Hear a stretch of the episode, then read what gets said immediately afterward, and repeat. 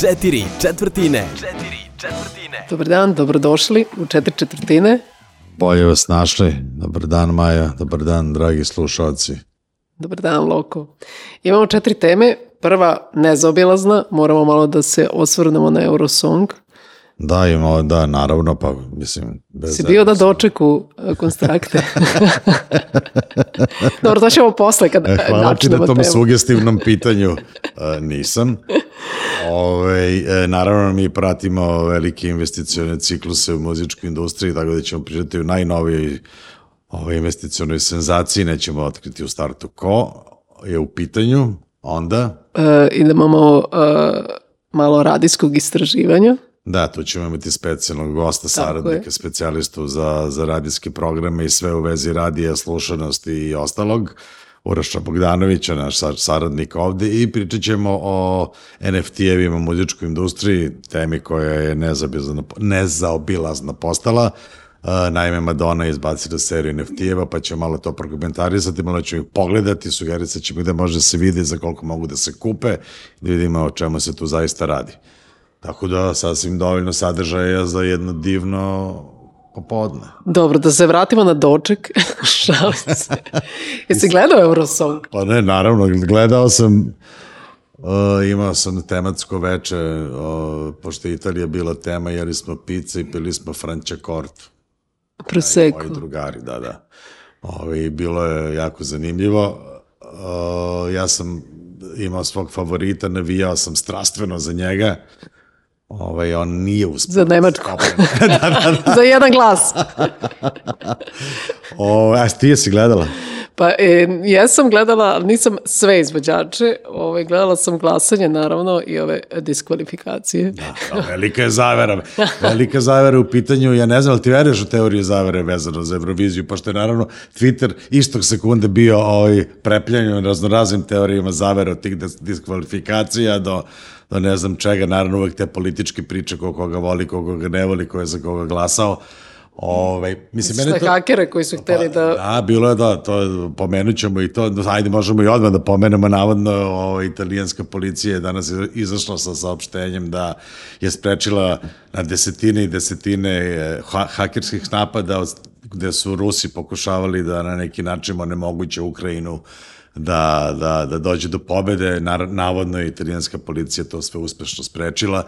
Verovatno su to u ovi tehnički neke, znaš da su nekoliko zemalja je, nije moglo, nije, nisu one same ovaj, izjavile svoje rezultate svog glasanja, nego je ovaj jel, šef tehničke komisije je umesto njih govorio rezultate, tako da to verovatno objašnjava tu zaveru, ja ne znam šta je, verovatno se svašta dešavalo ovaj, u, u hakerskom svetu vezano za Euroviziju. Sigurno, ja verujem da je bilo pokušaje da se tu nanese neka šteta, ali, kako bih rekao, meni je ta politička priča i te teorije zavere oko, oko Eurovizije su nekako sastavni deo tog folklora, tako da meni to potpuno očekivano i okej, uopšte me ne sakira, mislim, tako da, ja Ali ni- si očekivao da će Ukrajina da odnese pobedu. Pa ja sam se nadao da neće, zato što je to toliko onda sve nekako je na prvu loptu i sve je in your face, mislim, moglo je da, mogli su komotno da budu i drugi, a, taj politički efekt bi bio isti, a, pobedio bi, po mom mišljenju, ovaj, kako se zove, e, moralni pobednik u ovom slučaju Sam Ryder, koji mi se čini da ima jako dobru pesmu, ima, rekao, čini mi se da je zaslužio da bude na tronu. Mislim, ne znam, imam neke lične afinitete prema njemu, bio kod nas u Beogradu, jako je simpatičan, družili smo se jedno veče i nekako mi je ako prirasto za srce mislim da je imao fantastičnu interpretaciju, sad ljudima se nekima sviđa, nekim ne sviđa, ali je, rekao, jedna klasična, dobra pop rock pesma, onako sa referencama na naj, najbitnije ono, a, britanske pop rock Da, ali on je mislio, da, on je mislio do kraja, skoro do kraja da je pobedio. A, Pa vidi, i baš- ja sam, da. znaš, to je sad bio neki fotofiniš, ja sam stvarno mislio da su Englezi pobedili na kraju, ali, stvari na kraju se desilo da nisu, ali volao bi, mislim, bilo bi mi nekako, meni lično, ovaj, simpatičnije da su Englezi pobedili, da je Ukrajina bila možda druga, treća, eto tu da se pokaže ta politička sabornost oko podrške ovaj, Ukrajini, koja je zaista, mislim, u, u zapadnoevropskom svetu je, je, je nešto što A je... čekaj, ali ti nije čudno da zemlje e, u zva, kao sa zvaničnim žirijom nisu izašle da pomognu Ukrajini, nego samo publika. Pa, ja mislim da je to tačno to što su hteli da postignu, to je da, da se stekne utisak da narod, da ljudi, da stanovnici uh, zapadne Evrope podržavaju ukrajinski narod i da su time teli da im daju podršku. Mislim da je ta politička poruka tu bila važnija od onoga kako će žiri da glasaju. Ovaj, koji Recimo su kao Crna Gora. Moj, mislim, obzirom na naš žiri, na sastav naših žirija, ovaj, najverovatnije da je sastav tih žirija po Evropi verovatno sličnog uh, obskurnog sad, ovaj, rekao, sadržaja, ne znam kako da to bolje. A, znaš ko je bio u našem žiriju? Ja samo znam da je Jelena Tomašević. Pa da, bila je ona i još neki ljudi, mislim, koji stvarno ne, ne znam. To su vjerojatno ona, ona ekipa koja ste prelivali na ono Beogradsko proleće i tako dalje. Tu je negde, to u tom diskursu se to, ovaj, kako se zove, preliva. Tako da moguće da su ti sastavi žirija po Evropi isto tako o, čudni.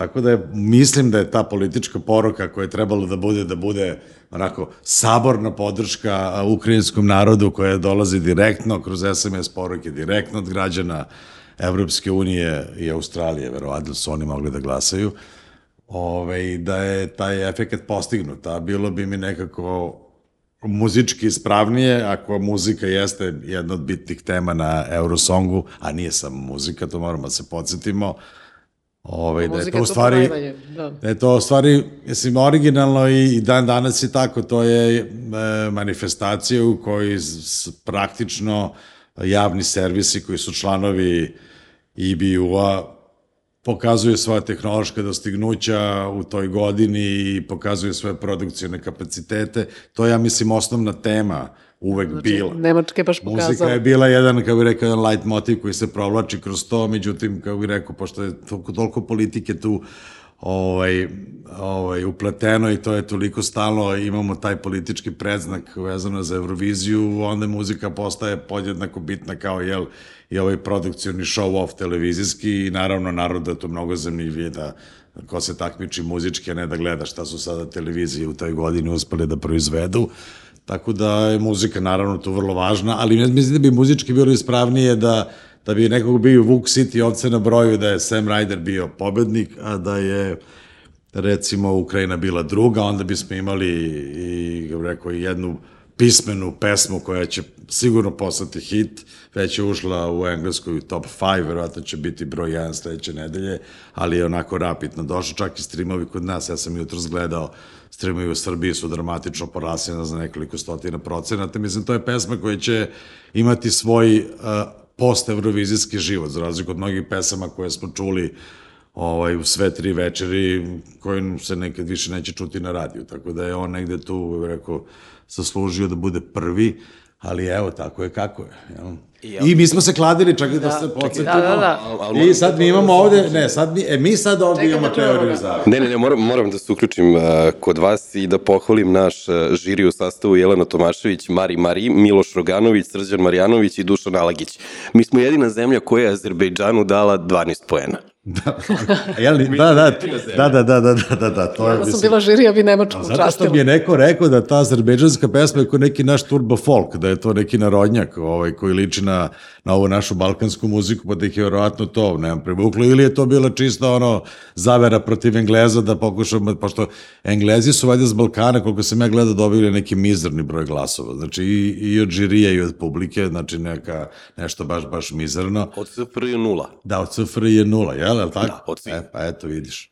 A, ovaj, a, tako da je tu verovatno bilo neke te političke, ovaj, neke političkog pregrupisavanja u tom smislu za koga da, da se glasa, jer, jer on bi verovatno da je dobio neki mali broj poena iz SFRJ, da bi on verovatno bio prvi. Koliko je bila razlika između prvog i drugog mesta? Nije bila neka dramatična. Nije bilo velika, ne, ne, ne, ne. Malo, malo. Tako da, evo vidiš, došli smo im glave, nekako da smo im se osvetili. Dobro, Uroši, ti znaš zašto je e, žiri, to jest e, glasanje Crne Gore bilo sporno? Pa ustanovili su neki pattern u glasanju tokom polufinalne večeri. U finalnoj večeri oni dobiju od večeri unapred glasove svih stručnih žirija. Za slučaj da se desi ono da, da, da, nema veze, da bi mogao šef EBU-a da pročita bodove i onda su oni analizirali i isključili crnogorske glasove. Zato Šta to što znači? Srbiji Da daje se- stalno to 12. Znači da su se glasovi koji su bili izrečeni na, na samoj finalnoj večeri nisu slagali sa onim što se desilo dan pre. Da, da, da, da, da, da, upravo to. A, vidiš ti to. Ne, ne, vidi, vrlo je komplikovana situacija oko, oko ovaj, Eurosonga, ali vidi, Vratimo se na opkladu. da, vraćamo se na opkladu, sad mi ovde imamo sad malo, malo, malo internu dramu koju bi moglo samo Interpol da reši. Dakle, mi smo imali e, tri glasa, jedan je rekao... Bio je i Dule. Bio je dule, da. Dobro, ona sad nije tu, tako da se on ne važi. Uh, dakle, Maja je rekla da će biti u prvih pet. Tako je. Uroš je rekao da će biti od petog do, Do do desetog. desetog. Tako da se vi tu preklapate. Ja sam rekao da će biti prvih 50, onako sam malo polio. Ovaj, uspeo sam, znači nisam pogrešio. Ne, pogodio si ti, jer je bilo manje od 50 zemalja. Znači svako plaća svoje piše. da će prvi biti prvih 50%, nemoj bre da... A, Ok, da. izvinjam se, ja sam rekao da će biti u prvoj polovini. E sada, mi imamo situaciju gde se Majin, Majin rezultat i Urošev rezultat poklapaju, znači Maja je rekla od prvog do petog, a Uroš od petog do desetog. Ko je sada tu pobednik? Pa zavisi e, da li pobednik plaća piće ili ovaj drugi. Aha, znači uvek, se, uvek su lukrativni razlozi. Ne, ne, ne, ne, ne. Treba ustanoviti sada a, da nije bilo glasova publike, konstrakta bi bila a, 15. 14., recimo, da, 14. 15. Da. Da su glasovi publike jedini, konstrakta bi bila treća ili četvrta. Dobro. Dobro. Dakle, sad to veze ima sa onim, da, da. sa onim koji od vas dvoje pobedio i ko će da... da Htedoh reći da sam ja zapravo bio najdalji. Jer ti si onda pogodio prvu polovinu, a Maja je pogodila Pa Dakle, pr moramo- prvih nemoj- pet. Re, realno sam ja pobedila. to, ne, ne, realno ne. sam ja pobedila. Da, realno je Maja pobedila, Jeste. moram reći, zato što je imala taj afirmativni stav od prvog do petog mesta, ti si imao neki, ajde da kažeš, taj srednjački stav od petog do desetog, što ne znači ništa, tako da ja mislim da, obzirom na jel, taj dobar rezultat koji je ostvarila ovaj, naša predstavnica, da ćemo Maju ovaj, Poslati nagraditi- nagraditi pobedom u ovoj opkladi i Maja će biti naš gost, tvoj i moj, a ne, neće ona da, ovaj, da plaća piće, nego Naravno. ti ja da platimo Maji piće, zato što je ona bila u pravu i u tom smislu. Ja Čestitam, ipak je tvoj e, muzički osjećaj e, prevladao u odnosu na ovaj, naš, na ovaj naš tehnološki, tako da mislim da čestitam, bravo i tebi, bravo i našoj predstavnici. e, i e, dobro je da ćemo završiti sa temom Eurovizije za narednih 10 do 12 meseci. A, malo sam se umorio od svega toga. Ma, malo mi je too much. Ali sad možemo opet da se kladimo na sledeću temu. E, na primjer, znamo već koliko je Bob Dylan prodao svoj katalog, znamo za Springsteena. E sad, pršte ponude za Pink Floyd. Oh, to je sad velika zavera. Moram reći da sam ja lično zainteresovan za tu celu stvar. Dakle, Pink Floyd su odlučili, oni su već uh, pričali poslednjih godinu, dve dana da bi oni bili zainteresovani da, da prodaju svoj katalog. Uh, oni su se sad dogovorili najzad da to urade. Katalog ide na prodaju u decembru. E, špekuliše se mnogo oko toga. Trenutno je Warner Music distribuira ovaj katalog Pink Floyda i u fizičkim, fizičkim formatima i u digitalnom svetu čega sam ja jako srećan, pošto to na neki način dolazi ovaj, eh, kod, eh, pod moju kontrolu.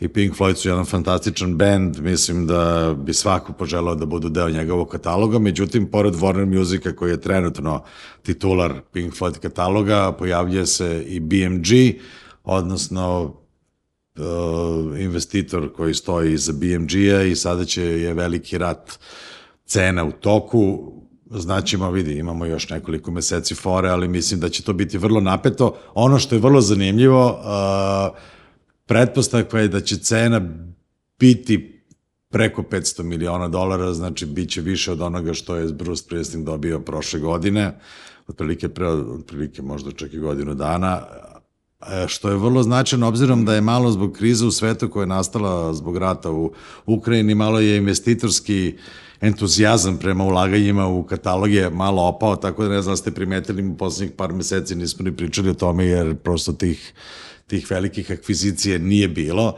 Međutim, Pink Floyd je toliko veliki, toliko veliki zaloga i da mislim da će oko toga biti vrlo ozbiljna rad cena i mislim da će cena čak otići daleko iznad tih, tih 500, 550, koliko se sada projektuje miliona dolara za, za njihov snimljeni katalog. Ja se nadam da će postići maksimalno moguću cenu, oni to apsolutno zaslužuju, a nadam se da će Warner pobediti u tom ratu BMG i da će ovaj, to ostati pod našom kontrolom. To je vrlo bitno. Molim da, da navijamo za to. Nećemo se kladiti ovog Nećemo, puta. nećemo, da. E, a ko je vaš, evo sad malo trivije pitanje, e, da li slušate Pink Floyd i koji je vaš omiljeni album? Maja ne sluša Pink Floyd. Da, ja nisam, nisam,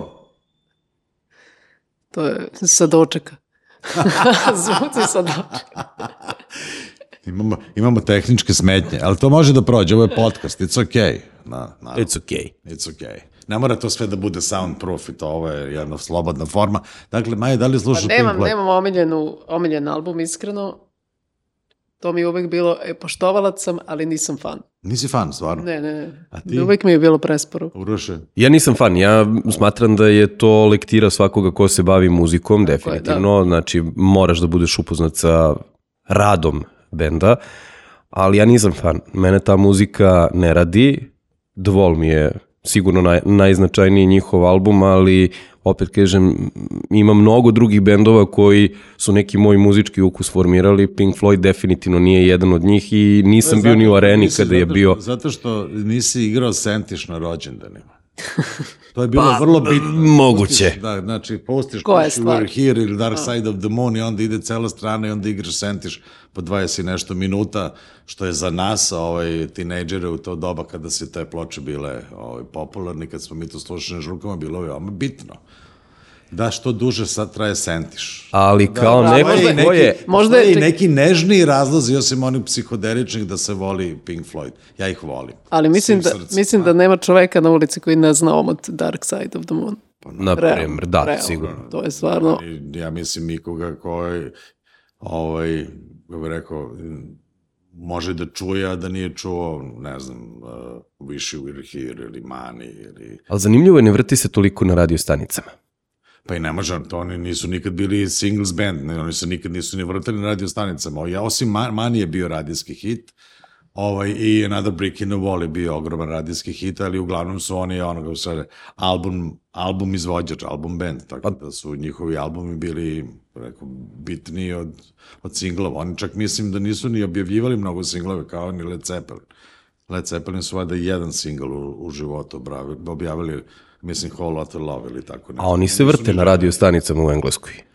Recimo. Pa vrte, vrte se više u Americi na specializovanim rock stanicama. To u Engleskoj sad već više nemaš te specializaciju na taj način kao u Americi. Mislim, ima, ali nemaš ono posvećenih radio stanica koji su, ajde, u nekom najpopularnijem ovaj, opsegu radio stanica koji se slušaju, ali u Americi, da, to možda čuješ svaki dan na radiju. Da. To, U svakom slučaju, želimo Pink Floydu da se brzo i nekontrolisano bogate u decembru, Da. još više da budu bogati nego što su sada i da to da u tom ratu cena pobedi Warner. Da li, se, da li smo saglasni u tome svemu? Naravno. Eto, molim vas lepo, nemojte da imamo tu opoziciju. Ajde sad kad pređemo na ovu drugu temu, da pričamo o Madoni i NFT-u, opet malo da objasniš šta je NFT. Jer to stalno ljudi pitaju i niko ni ne kapira. NFT e, ili non-fungible fungible token je praktično a, digitalni aset a, koji je personalizovan u, u digitalnom svetu, zna, se- znači zna se ko je vlasnik i zna se, ovaj, kako rekao, to je upisano u chainu, jel? I on ima, praktično je pokušaj da se u digitalnom svetu gde sve može da se multiplicira beskonačno, uh, ostvari neki singularitet, znači da je nešto unikatno, jedinstveno i u posedu ovaj, samo jedne ili nekoliko ovaj, osoba i ne može da se... Mislim, oni mogu da se umnožavaju, ali je uvek, o, kako bih rekao, vode, imaju isto izvorište. Tako da je to pokušaj da se u digitalnom svetu, mislim uspešni pokušaj da se stvori nešto što ima jedinstvenu vrednost u digitalnom svetu, da sve može da se, da se umnožava u beskonačnom broju primjerak. Da, a šta je sad to Madonina kolekcija? Madonna je napravila kolekciju koja je jel, jel sad je puštena u prodaju pre nekoliko dana, naravno sav prihod su ona i kreator njen digitalni saradnik ovaj, u kreaciji ta tri NFT-a. To su tri kratka digitalna filma u kome Madonna, ovaj, bih rekao, preispituje koncept majke, pošto je Madonna velika majka, za mnoge. Da. Ovaj, ona tu ima ta tri filma i ona u ta tri filma je praktično se porađa, ona je u porodilištu na, na stolu i porađa se i ta cela kolekcija se zove Mother of Creation i ima tri ovaj, tri, tri segmenta. Jedan je, zove se Mother of Nature, da ona porađa neku biljku, onda drugi se zove Mother of Evolution, da ona porađa neke leptiriće, i treća se zove Mother of Technology, da ona porađa jednu o, mehaničku gusenicu. Ovaj, sve te tri stvari, jel, to je neka, neka NFT kolekcija koja se sada prodaje i ja mogu da vam kažem tačno, znači za sve one koje zanima, oni mogu da pogledaju te sva ta tri NFT-a na, na sajtu koji se zove Super Rare, znači super, pa sa dva R, superrare.com, mogu da vide sva tri i da vide koju scenu postižu u ovom trenutku i šta se s njima dešava. Znači, prvi, Mother of Technology, je prodat za 66,55 Ethereuma, jel, ili za 35.608 dolara. Drugi je postigao jako malu cenu i proda samo za 0,08 Ethereuma, odnosno za 164 dolara, a Mother of Nature, ovaj pos, poslednji, jel, ili prvi, kako sam, nije bitno kojim sam raskoredom to ovaj, obrazlagao, je prodat za 170,5 Ethereum ili za 346.405 dolara. Tako da sve zajedno to nije loše, 440 i ovde onih 103, šta smo rekli, 60, 35, znači negde 500.000, preko 500.000, pola miliona za tri mala filmića digitalno, nije loše. Nije loše. Mislim, naravno, ti ide u dobre tvrde svrhe, oni su naveli veliki broj ovaj, organizacija kojima će dodeliti ovaj, taj, ta sredstva, to ćemo već vidjeti, to je njihov izbor. Ali zanimljive stvari se dešavaju u tom NFT svetu, naravno to je sada kako su krenule ove kamate za fiat valute gore, malo je opalo to tržište NFT-eva, investitori beže odate, tako da ni, ni jedan NFT ne može da postigne cenu po kojoj je plaćen, čak neki ne mogu da postignu ni 10% ili 5% cene s koje su plaćeni, tako da je to tržište i dalje vrlo promenljivo i vrlo nestabilno, ne znamo šta će biti od svega toga u budućnosti. Ali e, znam, mogu poznati da kažem da se priprema jedna muzička NFT kolekcija ovaj, u Beogradu u ovom mm. trenutku. Nadam se da će biti gotova za neko vreme, pa ćemo mi o tome pričati. Ajde, za da. sad moram to da zadržim za sebe. Dobro. Ajde da našeg gosta Uroša, to je našeg saradnika Tonca. Stručnog saradnika. Da, malo rešetamo o pitanjima. E, da li se danas sluša radio ili podcast? Šta je jače, radio ili podcast? Jel slušate radio, ljudi? E, hvala što ste me pozvali. Inače, je uvijek sad Pozvali to se zato što se uopšte ne razumemo one tvoje istraživanja koje si nam poslao. Da, tako da, da, da, da. Nismo, nismo te poslali zato što želimo da ti pričaš, Ništa, ja ću onda da čutim, a vi Ti se jedini razumeš u to što... Evo, što mi pitamo, se, mi pitamo, je vrlo da. bitna.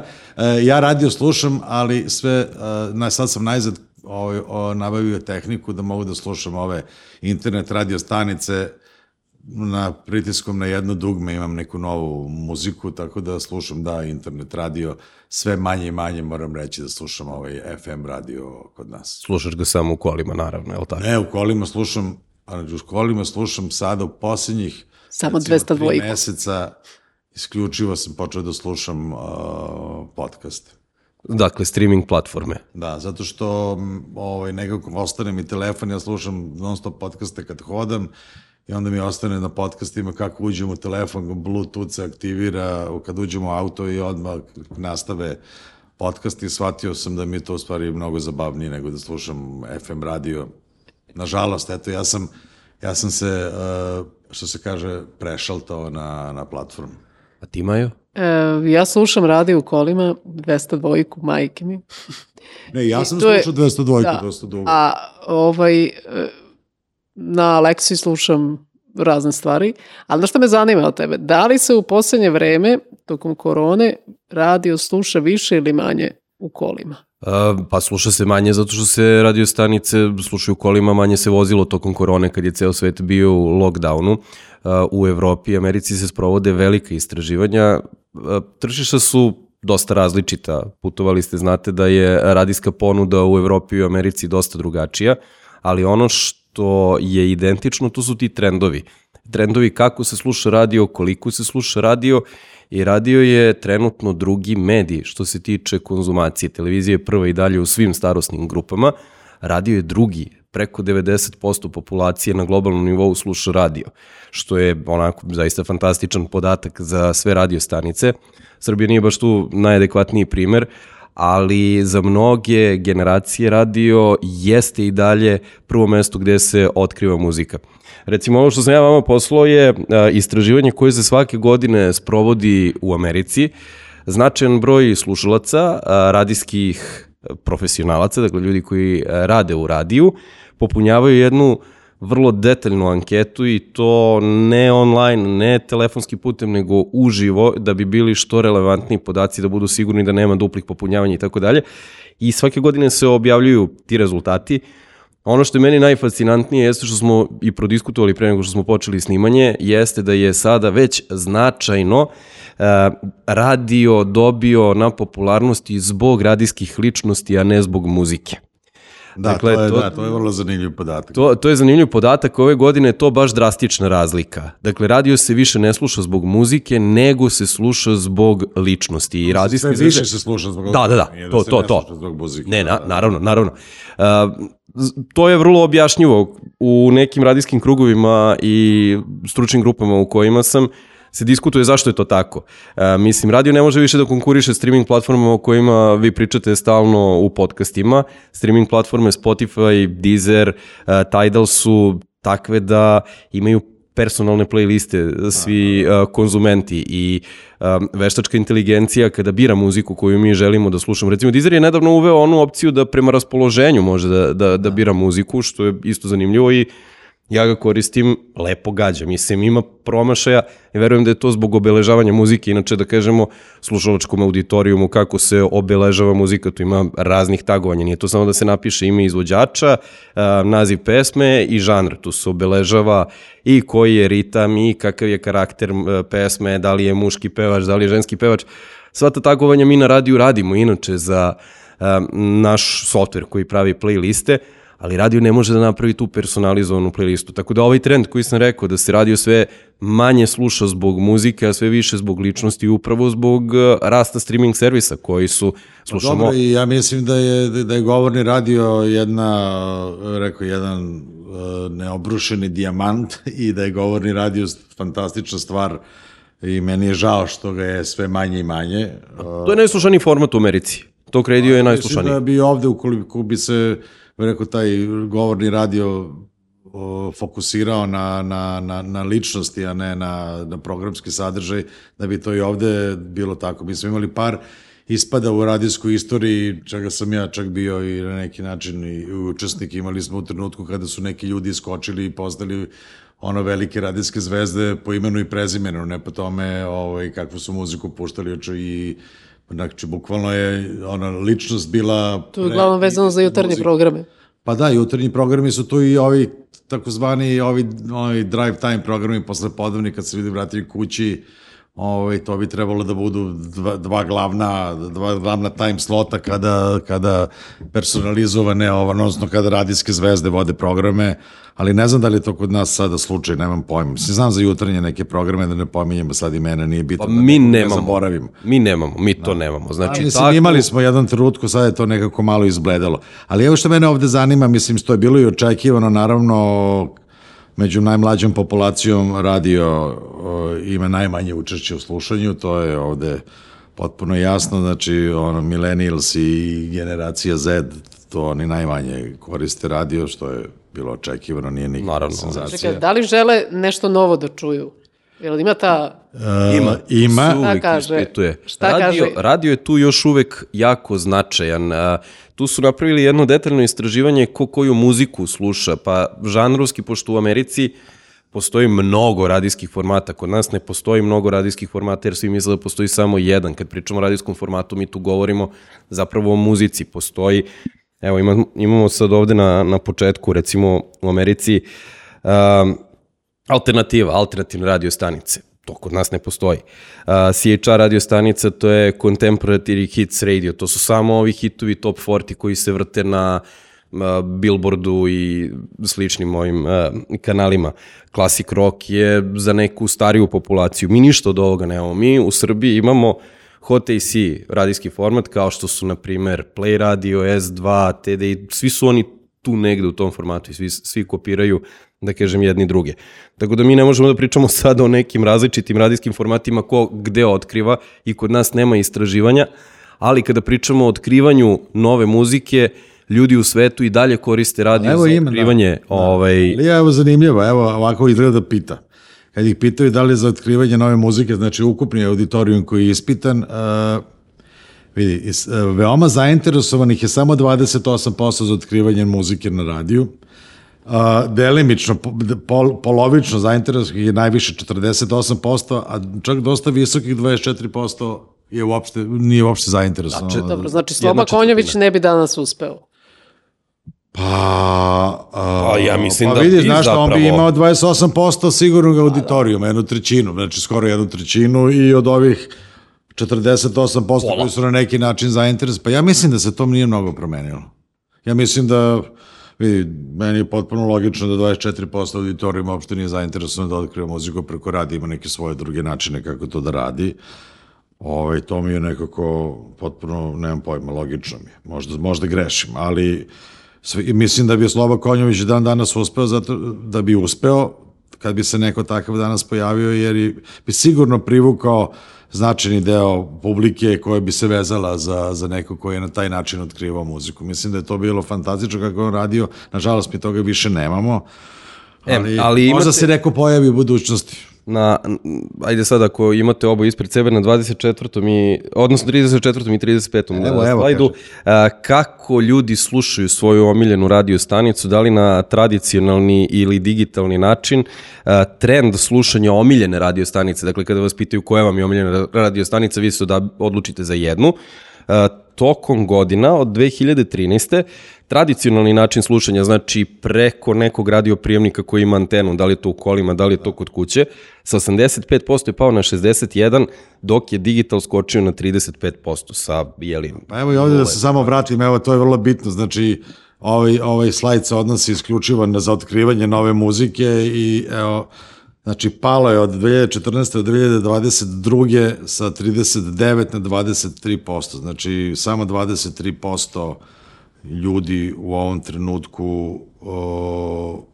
koristi radio za otkrivanje nove muzike. Što je isto da. objašnjivo jer na platforme, sada algoritam na platformama, on će ti kad god je otvoriš, on će ti dati šta je novo i šta sugeriše ti šta je novo da preslušaš, ti možda pustiš tu playlistu, ono ti odmah na nasnoj strani, tako da ja mislim da je to brži, jednostavniji način da se dođe do, do do, do informacije šta je novo i šta može eventualno te zainteresuje. Recimo ja to obilato koristim, ja na sve tri platforme koje imam u telefonu, ja svaki dan, odnosno nešto novo. puta nedeljno, ovaj, preslušam ono što, ovaj, što je novo u tom trenutku, u, u nadi da ću naići na nešto što me zaista Znači, u trenutku zanima. snimanja ove epizode, u toku je najveća... Dešava, nažalost. Da, radijska konferencija u Evropi, Radio Days Europe, i imaćemo za koji dan uh, najsvežije evropske rezultate. Ovo o čemu diskutujemo su američki, pa ću vam i to proslediti ako vam bude zanimljivo. Ne, možemo neko radio, tre, radio je vrlo bitna, radio je vrlo bitna tema u, u podcastu četiri četvrtine i njime ćemo se uvek baviti i pratiti šta se dešava. Uh, obzirom da smo prekoračili vreme dramatično, a bilo je zabavno, uh, morat ćemo da se otprostimo jedni od drugih. Do sledeće subote. Do sledeće subote. Pratite nas na maskom platformama. Tako je, i na, na svuda, na Spotify, na Deezeru, na YouTubeu, na Tidalu, ne znam, gde god postoje podcasti, tu je podcast četiri četvrtine. Uh, uživajte u životu, proleću, uh, prolećim pljuskovima i, i vrućinama i sve ovo što nam naša divna priroda daje. Ćao. Ćao. Četiri četvrtine. Četiri četvrtine.